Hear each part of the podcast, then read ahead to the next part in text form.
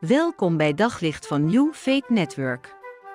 Luister elke dag naar een korte overdenking met inspiratie, bemoediging en wijsheid uit de Bijbel en laat Gods woord jouw hart en gedachten verlichten. Het lijkt wel alsof iedereen mij vergeten is.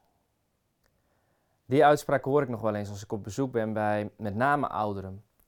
Het lijkt wel alsof iedereen mij vergeten is. Vergeten? Wat is vergeten? Je zou misschien zeggen dat vergeten betekent dat je iets niet meer weet. In, in het geval van deze ouderen zou dat betekenen dat dan niemand meer zou weten dat zij bestaan. Dat blijkt meestal anders te liggen. Er zijn nog wel mensen die van hun bestaan afweten. Toch helpt het niet als ik hen probeer te troosten met de opmerking dat hun bestaan echt wel bekend is. En u staat ook nog geregistreerd in de gemeentegids van de kerk en de basisregistratie van personen van de overheid. Dat lucht op, of niet? Dat lucht helemaal niet op. Hun probleem is niet dat mensen niet weten dat zij bestaan. Hun probleem is dat hun omgeving niets met die wetenschap lijkt te doen. Vergeten heeft niet alleen maar te maken met wat je wel of niet weet, maar vooral ook met wat je wel of niet doet. Vergeten heeft alles te maken met je daden. Datzelfde geldt voor het tegenovergestelde van vergeten. Het tegenovergestelde van vergeten is gedenken. Gedenken is, is meer dan alleen maar het woord denken. Gedenken is meer dan aan iets denken of je iets weten te herinneren. Ook gedenken heeft alles te maken met wat je doet. En luister eens met dat in je achterhoofd naar wat Paulus schrijft in 1 Korinthe 11 vanaf vers 23.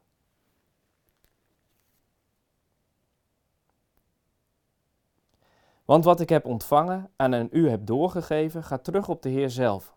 In de nacht waarin de Heer Jezus werd uitgeleverd, nam hij een brood, sprak het dankgebed uit, brak het brood en zei: Dit is mijn lichaam voor jullie.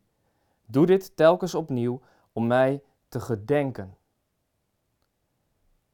Zo nam hij na de maaltijd ook de beker en hij zei: Deze beker is het nieuwe verbond dat door mijn bloed gesloten wordt. Doe dit telkens als jullie hieruit drinken, om mij te gedenken. Dus altijd wanneer u dit brood eet en uit de beker drinkt, verkondigt u de dood van de Heer totdat Hij komt. Jezus die geeft de opdracht om het avondmaal te vieren, om Hem te gedenken. En Jezus gedenken is dus meer dan aan Jezus denken. Jezus gedenken is dat je in je daden laat zien wie Hij is. Dat je je daden laat bepalen door wie Hij is. Door wat Hij heeft gezegd. Door wat Hij heeft gedaan. Door zijn offer aan het kruis. Om voor ons die nieuwe verbinding met God mogelijk te maken. Wat doe jij vandaag?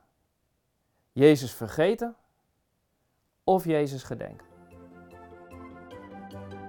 Op zoek naar nog meer geloof, hoop en liefde.